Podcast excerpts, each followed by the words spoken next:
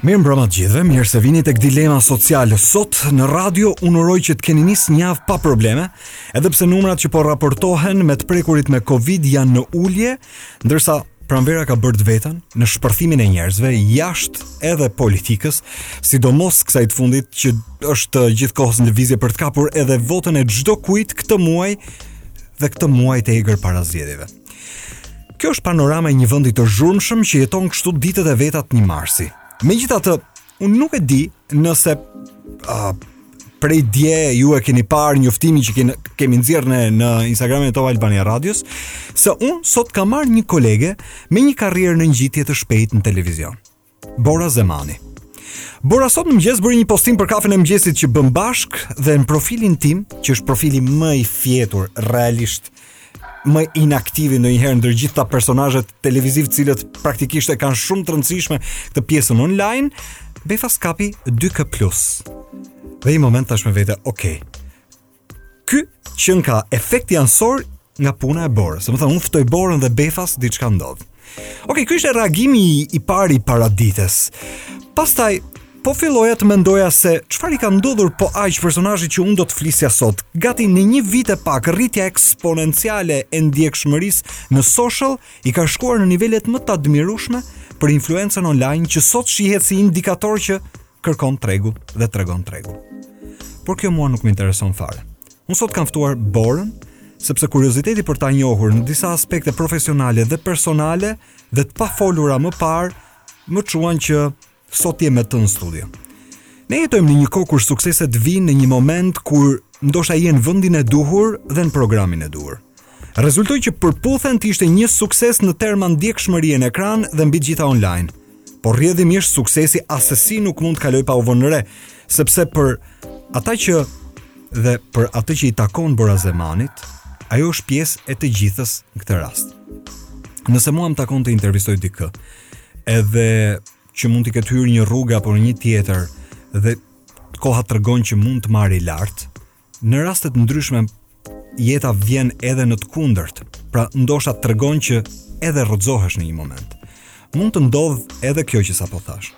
Kurrë mos thuaj kurrë, por në çdo rast, sido të vijë jeta, individi mbetet dhe arsyetimi personal mbi të gjitha nuk rrëzohet asnjëherë.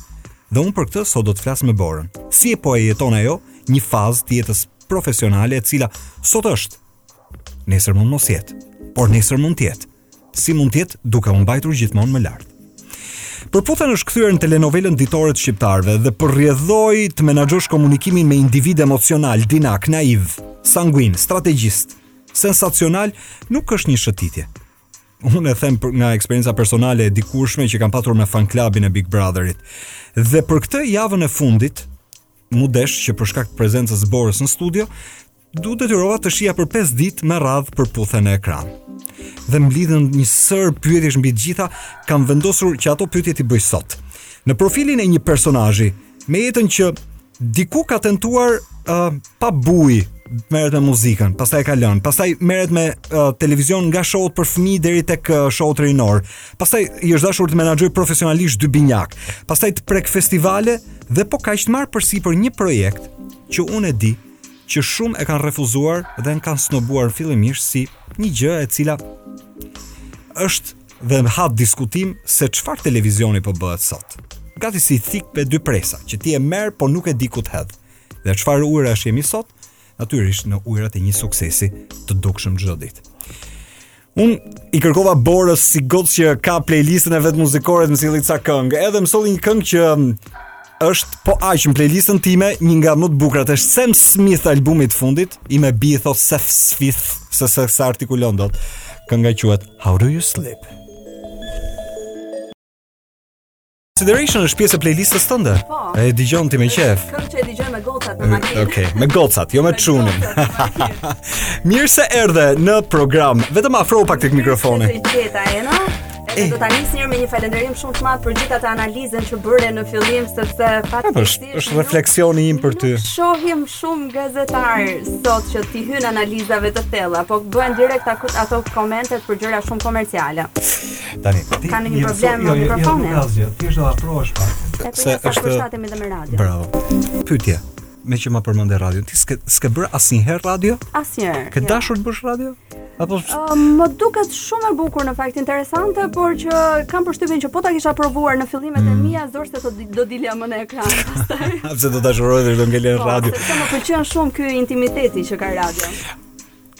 personale është kjo po. Ka plot nga ata që radion e përdorin si paradhomë të televizionit. Gati shkollë, po. komunikimi në një sens kurse ti pastaj s'e lë më kurrë. Po kjo është, që ti po hyre pastaj nuk e lë kurrë.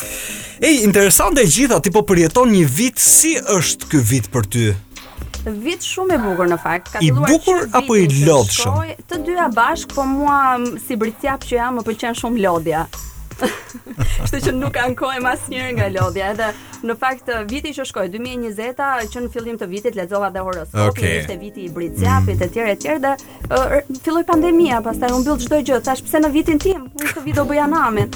U demoralizova pak në fillim, megjithatë gjatë rrugës gjërat shkuan shumë shumë mirë dhe m'u dhanë mundësi që as nuk i kisha menduar, nuk i kisha çuar nëpër mend fare. Ëm, uh, unë do ta kap tek fjalia e fundit.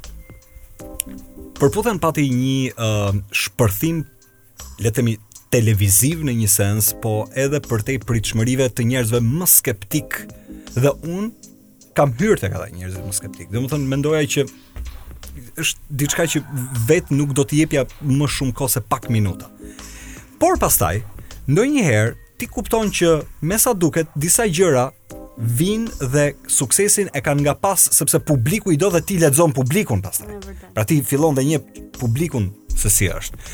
Dhe uh, në fillim unë e di që shumë e kanë refuzuar me idenë që ndoshta s'është programi im. Unë dua vetëm të kuptoj këtë momentin e parë që ti the po. Unë nuk e di këtë se kush e ka refuzuar përpara meje, mua ftesa më ka ardhur nga autorja vetë nga Olsa, edhe unë ashtu si ti isha shumë skeptike në fillim mm. në fakt, nuk nuk po e mendoja shumë seriozisht. Megjithatë më bëri vetë Olsa që të besoja që kjo Do ishte një gjë e madhe, një gjë që edhe ishte provuar pak në një sezon të parë okay. dhe me një transmetim shumë më pak se sa është sot Përputhen që është 6 herë në javë dhe prapë kishte rezultuar um, i suksesshëm të themi në ato kushte që ishte.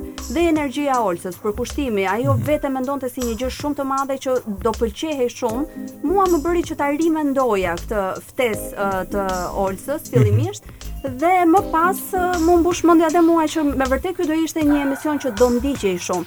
Megjithatë për të qenë e sinqertë në këto përmasa nuk më kishte shkuar mendja. E dija që do ishte diçka komerciale, njerëzit do e pëlqenin, njerëzit i pëlqejnë historitë e dashurisë edhe aq më tepër të jenë reale, por jo në këto përmasa asnjëherë. Çfarë ndodh me ty kur ë uh, futesh në një mjedis, siç është Përputhen, ku natyrat siç u u përpoqa në fakt edhe t'i vizatoj pak janë nga më të ndryshmet. Djem dhe vajza që natyrisht kam përshtypin që më shumë realisht gjuajnë televizionin, se sa gjuajnë ndjenjën në lexim paraprak në një sens. Mendon që është interesante për t'u marrë me ta apo herë pas here e gjen të lodhshme për t'u marrë me ta? Shiko, i ka të dyja anët, është edhe interesante, është edhe e bukur, qëndron edhe fakti që ndoshta fillimisht mund të nisen uh, nga suksesi që ka programi edhe duan t'i afrohen këtij programi ndoshta për përfitime të tjera, për famën, edhe për t'u rritur në rrjete sociale, të gjitha këto gjëra qëndrojnë. Megjithatë unë mendoj se duke qenë përditë me njëri-tjetrin nuk shpëtojnë dot pa u përfshirë në situata, pa ndier diçka, qoftë emocione pozitive, qoftë emocione negative. Kështu që të gjithë do bëhen pjesë e Përputhen, mhm. pavarësisht qëllimit të parë fillestar që kanë patur. Të gjithë bëhen pjesë e kësaj. Sigurisht që ka lodhje në disa momente sepse janë njerëz që nuk kanë lidhje fare me emisionin dhe ti nuk po drejton një emision me njerëz um, gazetarë, intelektualë etj etj që ta kuptojnë se si bëhet televizioni. Aty çdo gjë ndodh prej emocioneve. Është dhe improvizuar? Ndonjëherë apo është gjithmonë e improvizuar? Është gjithmonë aty asnjë gjë nuk dihet se çfarë ndodh. Domethënë unë kam okay. shpesh herë edhe një skaletë me pikat që do do flasim gjatë programit dhe ajo skaletë rrezohet. Befas e gjen përmbysur. Diskutimet që bëhen aty. Vetëm më hiq një kuriozitet. Unë herë pas here nga çfarë video shof pastaj edhe kjo pjesë e kërkimit për ty Ca momente kam parë që ke qeshur, je kënaqur, ca momente kam parë që ke dal nga vetja për shkak të po, situatës krijuar, pra kanë ndodhur sepse është tension i madh. Çfarë të pëlqen ty dhe çfarë nuk të pëlqen në punën ditore? Po të më pyesësh mua çfarë më pëlqen dhe çfarë s'më pëlqen punën ditore, kam përshtypjen që do rrinim gjatë bashkë dhe të thoja kjo më pëlqen, pastaj do rreshtoja ca gjëra që s'më pëlqen, pastaj do më kujtohej një gjë që më kënaq, Ti e ke bërë këtë analizë me veten? Çfarë më pëlqen mm. mua, unë shijoj shumë ato momentet që janë pozitive kur shoh shkëlqime sysh, po ah, themi që ka një kërcim, që ka një moment romantik, mua më pëlqen kaq shumë, i shijoj kaq shumë edhe realisht e shijoj atë pjesë. Por nga ana tjetër nuk më pëlqejnë gjithë këto debatet e forta. Ndonjëherë debatet aty për hir të vërtetës kalojnë edhe në ofendime, ndoshta edhe të rënda për uh, ata protagonistët me njëri tjetrin. Këto janë momente që As nuk më pëlqejnë, po janë dhe të vështira për t'u menaxhuar, sepse një ndërhyrje e imja ndonjëherë nga publiku edhe keqkuptohet sikur unë po mbaj anë. Kam edhe sulme të tilla nga mbrapa. Ti je pra, bërë pishman për ndonjë reagim? Uh, mund të ketë disa momente që ndoshta toni i zërit ka qenë pak më i lartë, por nuk ka qenë gjithmonë një ton i lartë drejtuar njërit prej konkurrentëve, por ndodh edhe nga zhurma e madhe që është aty. Të duhet të ngresh zërin për t'u dëgjuar në një moment të caktuar. Dhe në publik shihet sikur unë jam me shumë nerva dhe po i bërtas si një zysh aty. E di ça më duket Bora, duket që në fund të të gjithave e mbijetuara je ti. Pra duket që ndonjëherë kur ka sherr, po. Ti ke shpëtu veshët pastaj. Oh. Dëgjoni pak Destiny's Child me Survivor. Un pra ti e kupton që nuk u vu gabim ajo pra kur u vu foto jote dhe u vu një survivor aty. Ishte diçka që e mbijetuara në të gjitha rastet se duhesh për të nesër, më duhesh për next day. Po. Jam me Borën radio, vazhdojmë, qëndroni me ne. Beyoncé sapo dëgjuat bashkë me Etta James, I'd rather go blind. Dijo, ti Unë nuk e di që çfarë muzike dëgjon në të përditshmen tënde, po. Unë dëgjoj të gjitha rrymat muzikore, në fakt varet nga gjendja emocionale, si ndihem. Okej. Okay. Po ti po më thoshe si e këndon se mi ja upa i këtë, që është Mikel. Atë, atë po të thoja në fakt, ka zërin fiks si Beyoncé në këtë këngë. Bravo. Ne vetëm pas pak do të pyes çka ka ndodhur me ty, po ë uh, ti ke pas një moment një kërcim me me këngën. Po këtë ma lë ta heq si kuriozitet vetëm pas pak. Rritja jote në televizion nuk ka qenë e rastësishme. Ti po më tregoje me një të shkuar fillimisht tek fiksi, Po. Që unë as të mbaj mend fare. Nuk më mban mend njëri te fiksi dhe mirë bëjnë që s'më mbajnë mend në fakt se kam qenë bjonde po, atje. Po, shive, e disa vajza kanë uh, lindur në një sens si uh, si personazhe nga nga fiksi. Por ka qenë një sezon shumë i shkurtër në fakt. Vjosa, Jamie ka bërë një nisje, pastaj gjithsecila ka pas karrierat e veta, po në një mënyrë në një tjetër janë ambientuar. Ka qenë si trampolin. Po, po edhe për mua ishte një trampolin, por nuk ishte ajo trampolin, trampolina për brenda Topit. Kalova menjëherë mbas Fiksit në një televizion tjetër. Okay. Po që shërbeu patjetër për trampolin. Dhe meqë jemi tek trampolinat. Unë e di që është vështirë të projektosh veten. Po ku e projekton veten ti? Ku e projektoj sot? Mbas Përputhen fjala vjen.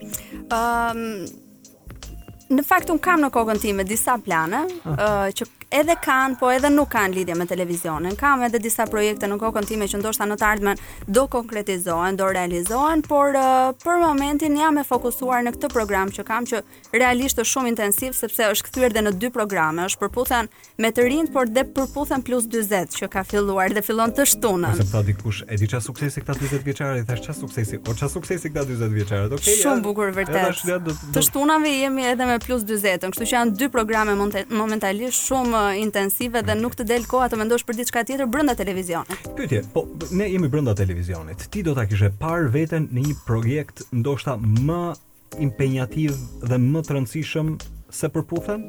Ja, supozoj unë një Big Brother, fjala vjen. Po, sigurisht që po. Kam përshtypjen kushdo që merret me këtë punë që merrem unë, do e pëlqente një format të tillë. Megjithatë më impenjativ se Përputhen për momentin me çfarë shoh që bëhen vërdallë, nuk besoj se ka me një luftë të madhe që ndodh aty edhe me një mm, energji të jashtëzakonshme që do për të bërë ky program. Por... Uh... Dëgjo, te personazhet të cilët se po më tregon uh, edhe për luftat që ndodhin aty mhm. midis mm -hmm. situatave të ndryshme. Unë dje pashë Arjan Konomin të Po. revoltuar deri përtej limiteve etike. Në një moment po kjo i takon Arjanit, pastaj edhe juve si produksion.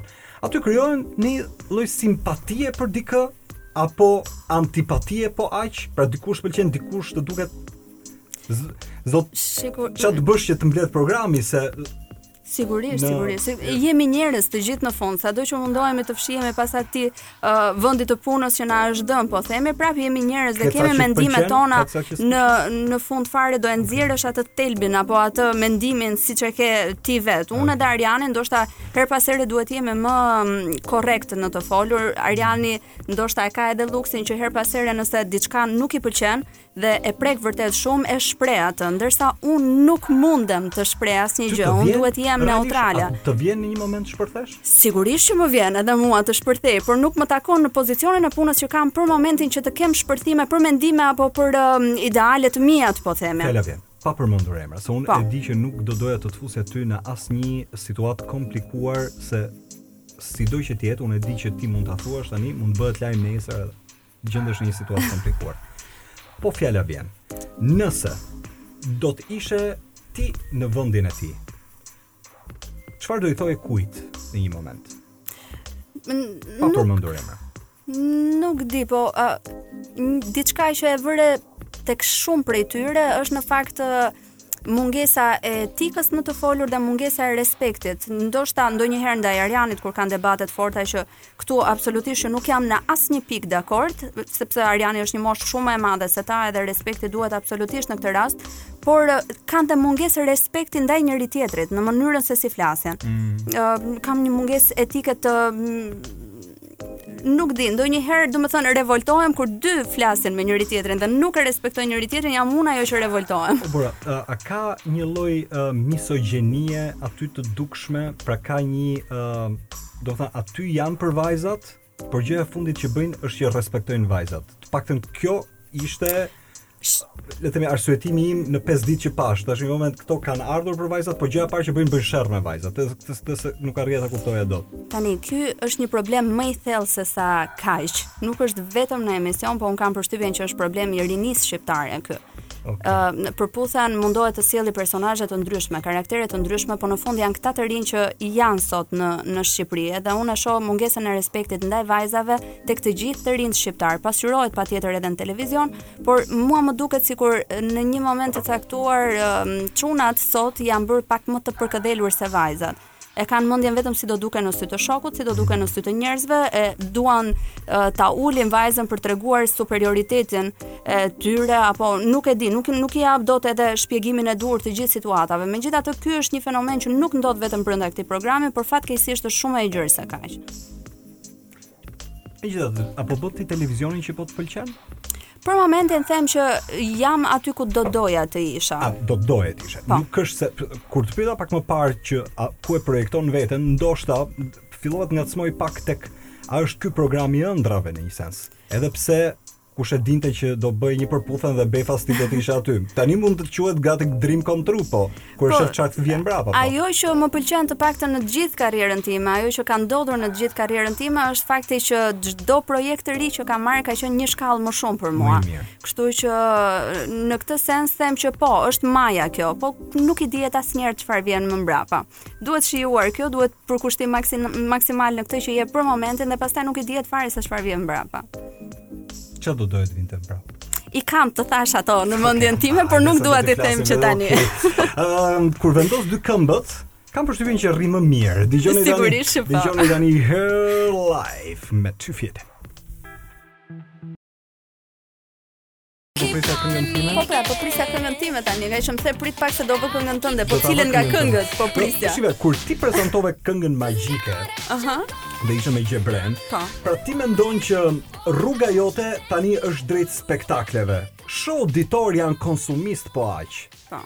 Un kur um, këtu ka qenë kurioziteti kur po merresha pak me tre kërkime thash me vete, okay, kjo ka prezantuar spektakël. Por ti kur vjen tek përputhen, kupton që show ditor është ajo që edhe të konsumon dhe të lodh e të ezauron edhe dhe thash me vete rrjedhimisht do duhet të pranoje një tjetër pra të vijë nga spektakli në spektakël, nga skena në skenë të madhe, nga si më thënë, showgirl, po vazhdon evolon si showgirl. Po, që po, janë shumë të ndryshme në fakt. Ndoshta ky emision i përditshëm nuk ka atë magjinë e spektaklit. Spektakli është ndoshta 2 apo 3 ditë dhe është realisht i magjishëm. Emocionet janë shumë të mëdha. Fakti që ke një publik shumë të madh përpara, unë kam ndjerë vërtet emocionet më të forta të karrierës time tek kënga magjike. Po çfarë kam thënë? Ke zë realisht për të kënduar? Kështu më thon. Unë vet nuk kam qenë ndonjëherë e sigurt për këtë pjesë. Midis një njeriu që ka pak zë dhe i thon, dhe dikujt që lajthit, ku qëndron ti? Se ka plot nga ata që s'kan zë dhe vazhdojnë me një kështu. Shiko, për muzika për mua njëherë nuk ka qenë asnjëherë diçka që unë doja ta bëja. kënga, po theme. Ka qenë më tepër një dëshirë e mamit tim e parealizuar tek ajo vet për kohën që ka jetuar ajo ku e detyruan shkolla i doli për t'u bërë oficere, okay. ndërkohë që ajo kishte shumë vite që studionte violin dhe e mendonte veten vetëm që do merrej me art, por ndroi drejtim dhe donte ndoshta atë ëndrrën e saj të parealizuar ta shihte tek unë. Okay. Vuri re disa të dhëna tek un, më çoi tek një mikesha e saj, ajo um, tha pastaj që Bora ka shumë zë dhe duhet të futet patjetër në lice për kanto, okay. ndërkohë që un nuk e kam ndier kurrë veten këngëtare. Ama ti uh, e ke provuar pra jo një herë, disa herë. E kam provuar disa herë dhe pse s'ta dëgjojmë pak. Kjo është e Lola Pons. Po.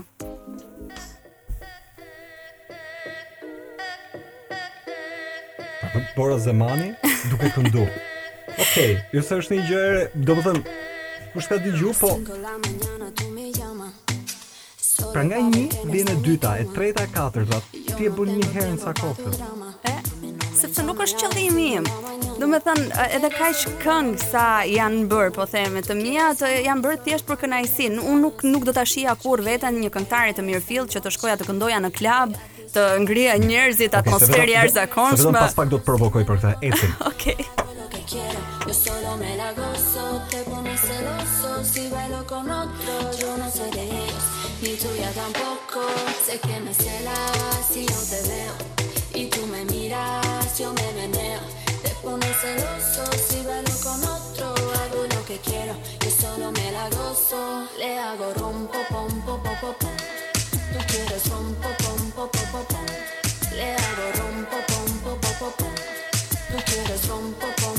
Është lufta personazhit o bora për t'i mbajtur ndjekësit. Pra, ç'a bëj? Ecin, është disa disiplina dhe përpiqen që të mbajnë ndjekësit. Unë nuk mendoj se mund të mbash ndjekësit gjithandej në fusha të ndryshme. Unë mendoj që duhet të jesh profesionist i një fushe dhe të tjerat mund të jenë plotësuese herë pas here. Përputhen mbaron. Po. Dhe kuotat e rritjes jo vetëm në Instagram, po influencës në sociale fillojnë dhe bien. Natyrisht s'është fundi i jetës, po keq të vjen se është një arritje dhe ti pastaj fillon kupton që çfarë mund të bëj. Nuk jam nga njerëzit që do bëja lëvizjet më të dëshpëruara të mundshme vetëm për vëmendje. Nuk Jo, te muzika nuk e gjej veten, gjithmonë mund të jetë aty, gjithmonë mund të sjell edhe ndonjë këngë tjetër, ndoshta edhe një klip ku i dihet si zgjohem një mëngjes, mund të ndodhë edhe kjo, por nuk do tentoj ndonjëherë që të jem uh, këngëtare. Unë mendoj se njeriu duhet të zgjedhë atë fushë ku vërtet ndihet mirë dhe mund të japë maksimumin dhe mund të jetë afër atyre njerëzve të majës. Unë në muzikë nuk e ndjej veten që mund të jem maja e këngëtarëve. Kë dëgjon ti, me kë këshillohesh? Në përgjithësi me veten time. Po, pra dëgjoj shumë, dëgjoj shumë patjetër njerëzit e mi të afërt, rrethin e ngushtë dëgjoj shumë, po jam në fund unë ajo që vendos, i peshoj të gjithë gjërat që dëgjoj edhe vendos në fund. Në nivel njerëzish profesional, nuk ke brenda zanatit, nuk e di kë që të orienton dhe mendon për ty më të mirën dhe të këshillon për hapat. Apo nga ana profesionale jo në fakt sepse njerëzit që më rrethojnë sigurisht mund të jenë në fusha të ndryshme këshilluesja ime numër 1 që në fillimet e mia ka qenë mami sigurisht që më ka ndjekur dhe më ka shtyrë që t'i hyj kësaj rruge kur unë nuk e kisha dhe kaq shumë qejf ka thënë tet që viva la mama po okay. ia dedikoj mamit në fakt okay. gjithçka që kam sot sepse ishte ajo shtysa e parë dhe më pas kuptova që po jam në rrugën e duhur dhe po bëj gjënë që më pëlqen Po sigurisht që kam edhe miq të mi që mund të më thonë diçka për uh, në lidhje me biznesin, në lidhje me këngën, në lidhje me prezantimin, në lidhje me çdo gjë që më ndodh. A e ndjen mungesën e një strategjisti këtu, um, dikujt i cili mund të ishte një strategjist karrierash në nivelin. Po kam përshtypjen në Shqipëri të gjithë që merren me televizion apo me çfarëdolloj arti e ndjejnë mungesën e një menaxherit të themi të mirë fillon, se tani keqkuptohet edhe kjo fjala menaxher, po dikush që të drejton edhe që di si si duhet të funksionojë gjithë gjëja. Ne fatkeqësisht jemi mbi kokë fjala mirë. Po, ne ne provojmë. Ne nuk e dimë se si funksionojnë gjërat, po provojmë. Prekim pak këtu, pak atje dhe të shohim se ku do ndezi. e vetëm pas pak do të pyes për uh, një marrëdhënie tënde personale uh, Okej, okay, marrëdhënie personale se është ndoshta unë, okej, okay, do duhet ta rikorrigjoj. Vetëm pas pak do të pyes për djalin. Okej. Okay. Okay. Do të pyes për atë se çfarë do të thotë që uh, ti bashkë me Arborin në një sens çoni përpara të përditshmen, po ë uh, Okej, okay, në terma uh, korrekt mund të quhesh a single mother? Po. Pra një mama që uh, çunin uh, djalin në të përditshmen e e, e, e rrit vet. Dhe po ashtu pastaj mbi gjithë impenjimet e jetës dhe ca marrëdhënie tjera, të cilat ti ke ndërtu jashtë për të kriju një lloj strukture të sigurt siç është biznesi, mm -hmm. për të ecur, se televizioni sot është nesër mund mos jetë, për të ecur safe, pra për të ecur sigurt. Bora Zemani është tek dilema dhe përveç se po kënaqemi në një sens muzikë e mirë, bisedë interesante, do ta kem deri rreth orës 20. Qëndroni aty.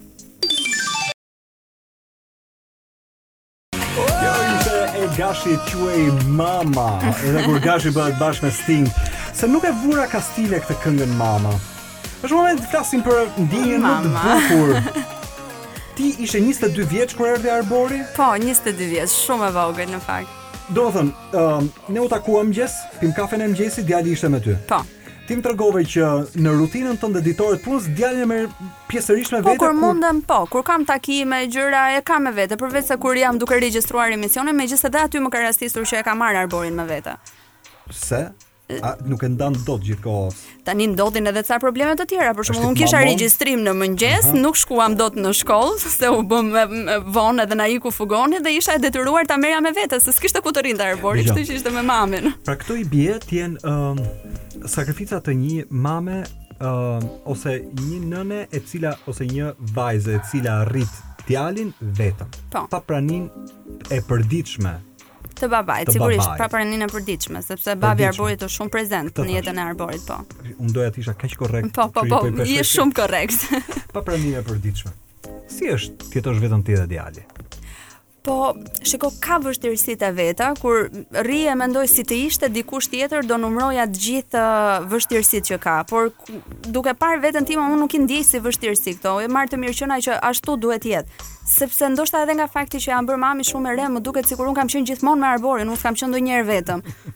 Realisht më duket nuk e mbaj mend se ç'bëja përpara se të kisha Arborin. Tani jeta jonë është çdo gjë bashkë, çdo gjë duhet ta bëjmë bashkë, duhet ta diskutojmë bashkë, ai përshtatet edhe sheh ndonjëherë emisionet e mia, unë ndërkohë duhet merrem me detyrat e tij, kështu që çdo gjë lidhet. Por ama ti e ndjen që ka momente ezaurohesh. Uh, unë mendoj të paktën pjesën e Arborit momentin e shplodhjes.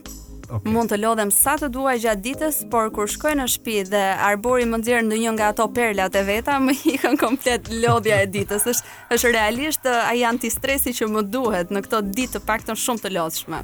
E e kuptoj unë. Ti flet për djalin ty të shkëlqejnë syt, rrjedhimisht. Po kam përshtypjen çdo prindi, s'dua të them që mua më shkëlqejnë syt për Arborin, por që realisht është motivi im. Megjithatë ti nuk do doje që jeta jote të kishte shkuar kështu E ke menduar herë pas herë kur kthehesh me veten Mendon që mund të kishte qenë ndryshe Mund të kishte qenë Patjetër që mund të kishte qenë ndryshe, megjithatë unë jam njeri që çdo situatë e marr e marr ashtu si më vjen, edhe përshtatem me situatat, them gjithmonë nuk është fundi i botës, nuk më ka ndodhur vetëm mua kjo gjë, kështu që nuk është se i vuaj shumë gjërat, i marr të mirëqena, kështu është, do ja dalim edhe do e shijojmë kështu siç është. Dhe ti je vetëm ti në shtëpi me djalin. Po. Është bërë ai burri i shtëpisë. Po. Edhe pse djali është i vogël, është fiks, pesë e gjysëm, dhe ka filluar shkollën. 6 është tani, 5 e gjysmë ka filluar shkollën në dhjetor i bëri 6. Ti kërkove Dua Lipën. Po. Se do ta vendos tani. Kënga quhet Fever. Mhm. Mm dhe vetëm pas pak të pyes për atë që për ty është shumë e rëndësishme. Se unë e thash në nisje të programit, kur ti një këmbë do ta mbash edhe në biznes dhe një këmbë media, flasim për këtë të parën.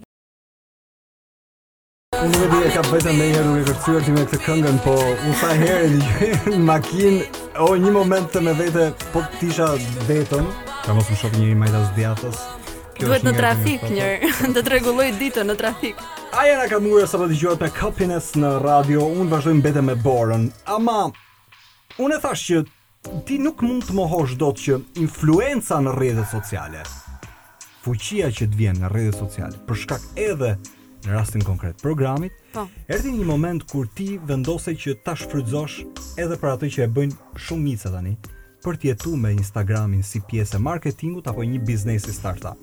Dhe ti e nise, si shumë. E nisa. Ishte veshje me tuta. Ka, ka rreth një vit në fakt, përpara se të niste programi, që po mendoja duhet të bëja diçka tjetër jashtë televizionit. Nisur kjo edhe nga kërkesa që kisha nga shumë biznese të tjera për të reklamuar bizneset e tyre.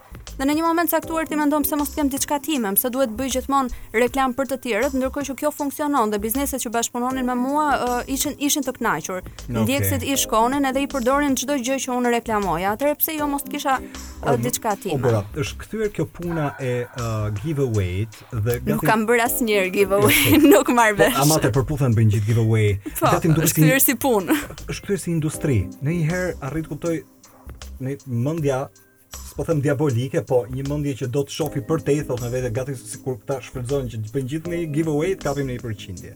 Po, me sa duket funksionon derisa e bëjnë të gjithë. Okej. Okay. Dhe i vendose bz. Bz. Që është Bora Zemani. Janë inicialet e mia. Në fakt nuk doja që të kisha diçka tamam tamam me emrin tim. By Bora Zemani. Se më duket shumë e lodhshme, Bora Zemani, Bora Zemani, Bora Zemani, gjithandej nuk O Bora, më lejo ta them këtë. Ti ke bërë shumë mirë që ke mbajt mbiemrin Zemani një herë, që të kuptojmë që në krye të herës. Pse? Se të dy mbiemrat ty nuk do të shkonin fare. Të dy mbiemrat çfarë? Për shembull, fjala vjen, ëm, um, ëm, um, Vini ka pas e ka mbiemrin Veli. Po. Po Bora Veli nuk do të shkonte. Shiko, përtej kësaj un nuk do ta ndroja kurrë një herë mbiemrin tim. Asnjëherë në jetë. sepse e dua shumë mbiemrin tim e para dhe e dyta më duket sikur aty shkëputem me vërtet nga mami dhe nga babi. Nuk do të shkonte as mbiemri Veshaj, më beso.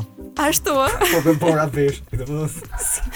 Do të thotë, po rrija po e mendoja thashë me vete kjo ka bërë shumë mirë që ka mbajt mbiemrin e vet. Mbiemri im do jetë gjithmonë, njëherë se ah. më duket sikur ndahem nga mami dhe nga babi pastaj, kështu që Bzë funksionante, po ti më the që bzë e shkruaje në fletore? Po, ka qenë në fakt gjatë mësimit gjithmonë, gjithë vitet e shkollës, po të hapësh fletoret e mia të vjetra, ke gjithandej shkarravina me bzë, me 3 z, pra bzë, si zukatje blete, mm. tamam. Edhe më dukej sikur edhe e gjeja veten te kjo bleta, që isha dhe punëtore dhe doja punën në grup, po edhe thumbin e kisha, nuk, nuk ta lija mangut edhe thumbin në momente të caktuara për të mbrojtur gjërat e mia. Kështu që Më dukej sikur më përshtatej tamam kjo gjë. A është momenti për të menduar një gjë tjetër? Ndjekësit në Instagram i ke apo influencën në dukje e ke të fuqishme. Shumë jetojnë tani.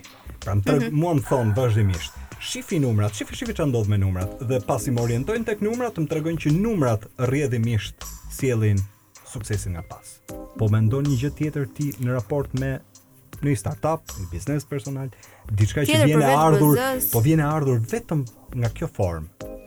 Shiko, edhe BZ-ja është e lidhur sigurisht me me rrjetet sociale dhe me influencën që kam në rrjetet sociale, sepse është një biznes online. Unë nuk kam një dyqan fizik ku njerëzit vijnë dhe i shohin produktet aty vet. Mm. Edhe në fakt fatmirësisht zgjodha që ta bëj në këtë lloj forme sepse isha në dilemë, po them meqenëse jemi këtu. Te Dilema. Të hap dyqan fizik uh -huh. apo të funksionoj online, edhe shumë mirë që zgjodha online sepse ishte tamam ky viti i pandemisë dhe më funksionoi shumë mirë edhe gjatë periudhës së karantinës së plotë, po prap biznesi vazhdonte të paktën edhe kjo ishte Mhm. gjë vërtet shumë e mirë. Diçka tjetër me biznesin për momentin jo, nuk mendoj sepse mendoj që këto dy rrugë që kam për momentin edhe emisioni Përputhen edhe BZ-ja kërkojnë impenjim vërtet shumë të madh, kështu që diçka tjetër do të ishte e tepërt edhe do do kishte mangësi te të gjitha gjërat pastaj. Edhe këtë po e bën vetë, nuk është se dikush po të shfrytëzon.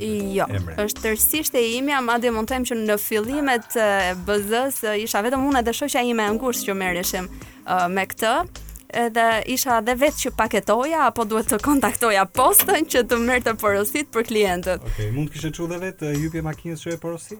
Po, e bëja edhe këtë. Puna nuk është turp e, jo. Jo, absolutisht. Atë po e mendoj këtë. Mund ta bëj edhe këtë, nuk do nuk do të kisha problem aspak. Ndërsa tani është zgjeruar, struktura është ngritur, çdo gjë funksionon shumë më mirë, nuk jam e detyruar që të jem 24 orë aty, megjithatë po pra BZ-ja kërkon një impenjim shumë të madh. Okej. Okay. Po Bora. Ëm um, kur ti mendon që një pjesë e mirë e njerëzve të cilët merren me um, televizion detyrimisht përpiqen që të krijojnë diçka paralele, shumë shkojnë tek bizneset sepse bizneset e shohin tani më që fuqia e tyre po vjen nga Instagrami. Sa Sa t'afrohen ty dhe sa ti refuzon? Më afrohen shumë, pa fund më afrohen. Dhe, dhe detyrimisht kthen, nuk i shef si mundësi të ardhurash që të vijnë, t'i kthesh. Shumicën i kthej, në fakt. Shumicën i kthej, shumë pak pranoj uh, si biznese për të bashkëpunuar me mua. E para njëherë uh, e kam shumë të rëndësishme që të besoj dhe unë tek produkti që reklamoj sepse um, nuk dua të sugjeroj njerëzve gjëra që nuk janë vërtet të mira. Unë ato gjëra që reklamoj i përdor edhe vetë. Sepse ndoshta nesër pasnesër dikujt po themi po reklamoj një krem i bën një alergji, një gjë, ajo ndikon tek unë, pat, patjetër që po. Kështu që kujdesem për të zgjedhur biznese që vërtet vlejnë, vërtet kanë emër, vërtet kanë produkte shumë cilësore. Megjithatë, shumicën prej tyre detyrohem t'i kthej. Ne folëm për karrierë, sukses, mm -hmm. rrugë që ti ke ecur vetë, ke punuar, diku uh, diçka ka ardhur dhe në një sens fati është tregu bujar.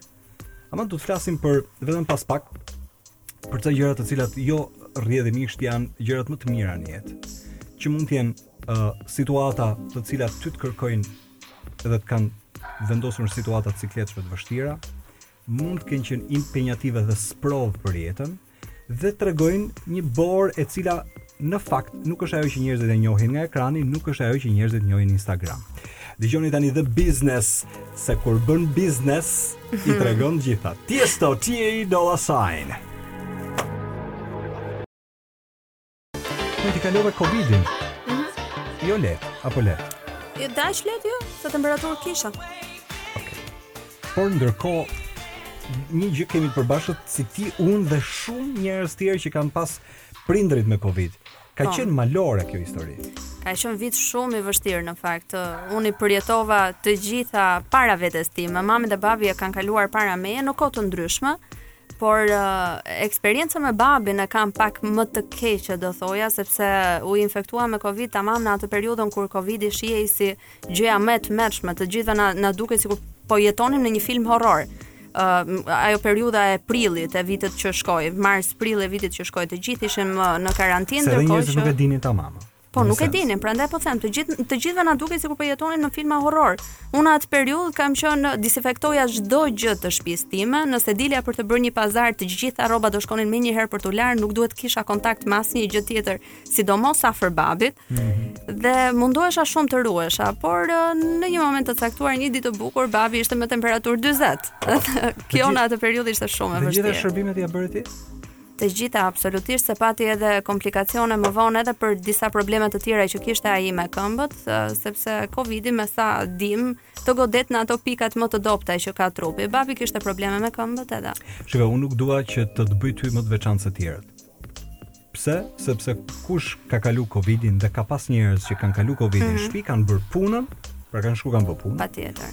Janë marrë me familjet e veta, Ti je marrë me po. të tët bir, por ndërkohë merresh edhe me babin me gjithë asistencën mjekësore ku t'u desh të bëheshe gati gjysmë infermiere. Patjetër, në atë periudhë siç thashë babi erdhi tek unë, domethënë për të jetuar tek unë sepse edhe mami u, u shkëput vetëm për një muaj okay. për të qenë në Amerikë, por ndërkohë nga që u mbyllën të gjithë kufijtë ngeli 6 muaj andej. Mami nuk vinte dot dhe për babi ishte vetëm. Për t'u kujdesur më shumë që babi mos të dilte jashtë okay. nga shtëpia për të bërë pazare e gjëra, i thashë duhet të vish tek unë që unë të kujdesem për ty. Dhe ndodhi që babi edhe u sëmur. Pati komplikacione me këmbët, u desh t'i operonte të dyja këmbët uh, gjatë asaj periudhe më pas edhe më duhej sigurisht që të kujdesesha për çdo detaj. Le të ndajmë një eksperiencë bashkë. Ëm mm -hmm. uh, përpara uh, gati Pra im atë bën gati 10 ditë që është rikuperuar, po 23 ditë kanë qenë një 23 ditë malore. Mm -hmm. Dhe gati nga dita 18 i bien saturimet e oksigjenit. Dhe m'u desh që t'i çoja oksigjen të asistuar dhe mjekja pasi jetoja me dhe jetoj me tim atë në një shtëpi më tha dëgjo ça duhet të bësh Do duhet që fillimisht të zgjohesh çdo 2 orë dhe më kujtua bora komplet kjo pjesa kur zgjohesha dhe bëja me turne me Atenën për të ushqyer Livin. Um, ku praktikisht do duhet t'i masja oksigjenin dhe nëse oksigjeni kishte shkuar poshtë nëntëdhjetës, unë duhet t'i vendosja maskën me oksigjen. E bëra ditën e parë, natën e dytë, pra e bëra natën e parë, natën e dytë, natën e tretë, natën e katër thashë me vete dëgjo. Unë u lodha. Dhe u, ja, u, ia futa gjumit. Ka shtesht. Dhe, ok, nuk e di, më, me një, më shkrua një mikesh që më tha në këto pyetje ditore, që si u zgjua pyta sot edhe si si është edhe i thashë të njëjtën gjë siç po ta tregoj ty dhe më tha ja pra Popi pse duhen gocat po të kishte një vajzë atë s'do ta kishte zënë gjumi natën e katërt Dhe në fakt thotë babi im, shqyr që kam vajzën, thotë. Ah. Unë kam edhe një vlla, po babi thotë shqyr që kam vajzën, sepse në momentet e vështira gocat janë um, më më afër prindërve në fakt. Jeta s'ka qenë uh, për ty um, gjithmonë e qeshur, gjithmonë e bukur. Si i kalon ti momentet e vështira? në përgjithësi më pëlqen t'i kaloj vetëm njëherë momentet e vështira sepse Mendoj që kam nevojë për atë kohën e nevojshme për të kuptuar çdo gjë që më ndodh dhe dua ta bëj vetëm, dua ta kaloj vetëm të gjithë këtë proces. Edhe kur mërzitem për diçka, nuk më pëlqen të heq mendjen nga mërzitja. Jo, dua ta ta ndjej deri në fund edhe mërzitjen, të qetësohem pastaj dhe të vazhdojmë përpara. Pra Bora, ka momente që ty ëm um, për shembull disa humbje në jetë që Të gjithë i kemi në një sens. Ti mendon që ndonjëherë të bëjnë më të fortë apo praktikisht kur ta japin goditjen të kanë lëndu shumë? Më pëlqen të të mendoj edhe t'i them vetes gjithë kohës që çdo gjë të bën më të fortë. Çfarëdo lloj gjëje që të përjetojë njeriu, duhet ta kthejë në forcë absolutisht. Të gjithë um, mund të përjetojmë dhimbje, të gjithë mund të humbasim edhe njerëz. Dhe um, e mira është që të mendojmë për atë që kemi pasur dhe t'i marrim të mirat asaj që kemi pasur, po duhet të vazhdojmë edhe të jetojmë të ardhmen, ta kthejmë dhe në forcë atë dhimbjen që ndoshta na vjen nga humbja. Sa herë ke nevojë kë merr në telefon? Mamin. Dhe zbutem kur e them këtë, mamin. Në fakt jam goca e babit, po për çdo gjë duhet të flas me mamin. Se mami është aty. Mami është shoqja në fund fare, ajo është shoqja që flet për çdo gjë. Okej, okay, tani unë po të flas si si që ta dini, se ju s'keni si ta dini, po hajt disa gjëra po i themi. Unë më shumë se Borën, se unë Borën e njoh si ë uh, si personazh televiziv edhe si njeri që, ok, diku në ambiente të ndryshme kemi ndarë uh, kemi profesion dhe kemi rastisur. Unë bëra si një lisenin. Pra vllajin. Dhe këtë rast unë këtë pyetje po ta bëj si si me qen vllai. Kur ti ishe shtatzan me Arborin, kujt i the në fillim? Mamit? Mamit, po. e cila tha ti je vetëm 22 vjeç apo nuk e zuri me mamin mamit në fakt i kam treguar menjëherë ekon e arborit dhe me ekon në dorë i thashë është ky pika këtu Okay. është kjo pika këtu, shtatzënia ime dhe mm. mami që vetëm bërtiste dhe thoshte o zot, je akoma e vogël, unë s'të kam rritur akoma ty. Si mund të bësh ti një fëmijë tjetër? Ky ka qenë reagimi i parë, po uh, ishte shumë e lumtur, po prapë e pranoi këtë gjë edhe me zi priste pastaj edhe sot kur sheh arborin thotë ky është ajo pika më, ky është ajo pika. Po që është bërë kaq. Po nuk të gjykuan, nuk thanë që dije jo, ti jo, ti vajzë absolutisht që jo. Familjen e kam patur gjithmonë mbështetje dhe një nga këshillat që mua më kanë mbetur në mend në fakt nga mami që shumë e vogël kur dëgjoja ndoshta raste që fëmijë të tjerë të njohurit tanë, për mm. shembull, reagonin në mënyra ndoshta jo të duhura për gjëra që i ndodhnin duke iu fshehur prindërve, edhe detyroheshin të gënjenin edhe më shumë se ç'duhet pastaj për të fshehur situata që ishin përfshirë. Dhe që shumë e vogël mami më thoshte që për çdo gjë duhet të flasësh patjetër me mua. Njeriu i parë që duhet t'i thuash gjërat, qoftë edhe të këqija, duhet të jem unë dhe do t'i zgjidhim gjithmonë bashkë. Dhe familja ishte aty edhe kur gjërat e tua personale në shtëpi nuk shkonin. Patjetër që po. Ka qenë uh, mbështetje shumë e madhe familja ime dhe vazhdon të jetë mbështetje në fakt sa herë që unë kam nevojë, qoftë edhe me angazhimet e mia. Uh, në asnjë moment të jetës time unë nuk jam ndier vetëm, absolutisht. Ka qenë mami, babi dhe vllai im gjithmonë aty. Shë, unë do të bëj një pyetje dhe kjo është e fundit për atë që quhet uh, aspekti personal se siç më thonë po përpiqemi me shumë uh, kujdes që t'i kapim ca gjëra. Patjetër që kur një fëmijë në një sens uh, diku një gjë nuk i ecën, prindit janë ata që merakosen më shumë. Unë e kuptoj që patjetër që patjetër po. ti je e kujdesshme vet, po. Në një marrëdhënie tjetër, në një marrëdhënie të re, në një a janë ata më të kujdesshëm, a janë ata që të pyesin më shumë, a është njeriu që po i që rri ti tani njeriu i duhur, sigurisht që ata janë të interesuar të dinë më shumë uh, sepse nuk dua kanë kanë frikën që mos gabosh për herë të dytë. Po sigurisht e kanë patjetër atë merakun të themi, mm. jo frikën se më merak. duket pak e frikshme. Okay. Kanë merak për mos të ndodhur të njëjtat gjëra, megjithatë nuk i mungon as besimi tek unë. Kështu që kushdo që është afër meje, sigurisht që ata e aprovojnë për sa kohë që unë ndihem mirë. Start over again. Sa herë ti e shtyp butonin dhe thua tani nga fillimi? Uh, nuk para shtyp shpesh në fakt. Jam njeri që nuk i pëlqej shumë ndryshimet. Uh, po nuk është se ti ke, ke dua të them e di që ti ke nisur një gjë nga fillimi edhe po e jeton. Po, po. Okej. Okay. Uh, Mor, me gjëra fjala. Unë gjithmonë kur të shifja ty me Romeo dhe Donaldin, thosha me vete si s'i ngatërron kjo këta të dy. Mua nuk më duken fare të ngjashëm edhe e them gjithmonë këtë. Unë nuk e kuptoj si i ngatërrojnë njerëzit. Ja unë për shkak gjithmonë s'i kam kuptuar. Jo, nuk më duken fare të ngjashëm. Kush është njëri dhe kush është tjetri? Sepse kanë një këtë ngjashmëri e dukshme. Ngjajnë patjetër se binjakë janë, por po nuk më duken kaq të frikshëm për mos të dalluar fare. Po me i menaxhu ata dy binjakët, apo si janë ashtu siç shifen në ekran? Po vështirë, vështirë është, ashtu janë, siç i sheh në ekran Vështirë është për t'i menaxhuar, megjithatë ne kemi patur një marrëdhënie shumë të mirë okay. Edhe bashkëpunim shumë të mirë me njëri tjetrin tek eh, Tresha, gjë që eh, e bënte edhe punën të bukur. Përtej punës ne kishim edhe atë kiminë me njëri tjetrin, po edhe nga që rrinim edhe 24 orë me njëri tjetrin, kështu që unë po të isha njëri, shumë bukur, njëri prej binjakëve dhe të më thoshe ti që dëgjoj, unë do iki në Top dhe do marr një projekt tjetër, nuk e di pse do isha ndjerë keq një moment, thosha ne sa e nisëm këtë si po ikën. jo, jo. Jo, sepse ne kishim mbyllur Treshën në fakt, ishte mbyllur si projekt që në prill. Pra- Ndërkohë që unë në Top erdha në shtator. Pra ata nuk është se kishin ndërmend që ta vazhdonin këtë si treshe unike. Jo, nuk kishim ndërmend asnjëri prej nesh sepse okay. po mendonim në gjëra të ndryshme. Ata të Dy ishin në fushën e tyre, në, në komedi, po themi, në aktrim, ndërsa unë nuk isha tamam atë profil, sigurisht që e bëj, sigurisht që më pëlqen, por nuk isha aty ku duhet të isha unë, e, si prezantuese, si moderatore. A pati një moment që thoshe dëgjoj unë po merrem dhe me gjysmë aktrimi me këta dy aktorë. Po jam marrë dhe më përpara me gjysmë aktrimi. Pra fjala vjen, ti mund ta kishe bërë Portokallinë në një sens?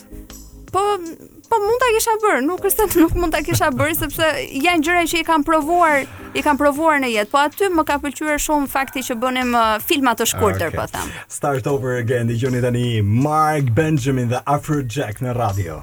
What have we become? Ti si për gjyshe Që janë të njërës familje që janë Mami im nuk quhet gjyshe as nëna, quhet Pupi Ia ka vënë emrin Arbori Pupi Po sa mirë që është e re, ndihmë e madhe Bora unë të falenderoj që erdhe në program um, Ishte intervistë që unë um, E kisha menduar ndryshe Por ja që ndodh që ti e çon përpara Dhe merr një kënaqësi që Ok, kishe unë hyra me pritshmëri të tjera, thashë me vete do rrijë ftohtë, do të ngasë pak e të tjera. Jo, unë të falenderoj shumë për këtë kafe të dytë do thoja, dhe jo për këtë intervistë, por për këtë kafe të dytë që pim sot në darkë. Ishte kënaqësi, shumë suksese me Përputhen. Ëm, um, ti më the që fillon uh, Përputhen me uh, plus 40 apo të shtunën. që është çik më impenjative. Uh, nuk di ta them këtë sepse janë shumë impenjativ këta të rinjtë, këta te Përputhen plus 40 janë pak më të qetë, më të menaxhueshëm, të paktën në fillim. Nuk e di pse do ta shoh këtë plus 40. Shikoje se do gjesh veten diku aty, nuk e di po do ta shoh këtë, të jap fjalën. Ishte okay. në Muar Radio, Bora Zemani sot në një intervistë gjatë podcastin e dëgjoni online, ndërkohë ne dëgjohemi të shtunën në një tjetër temë për të diskutuar dhe do të japim pak vëmendje Sepse sot pjesë të komunizmit dhe nëse Shqipëria me element komunizmit në art, a shet dot akoma në botë? Do ta mbyllim me House nga Gerard Blaster dhe Missy, natën e mirë gjithëve.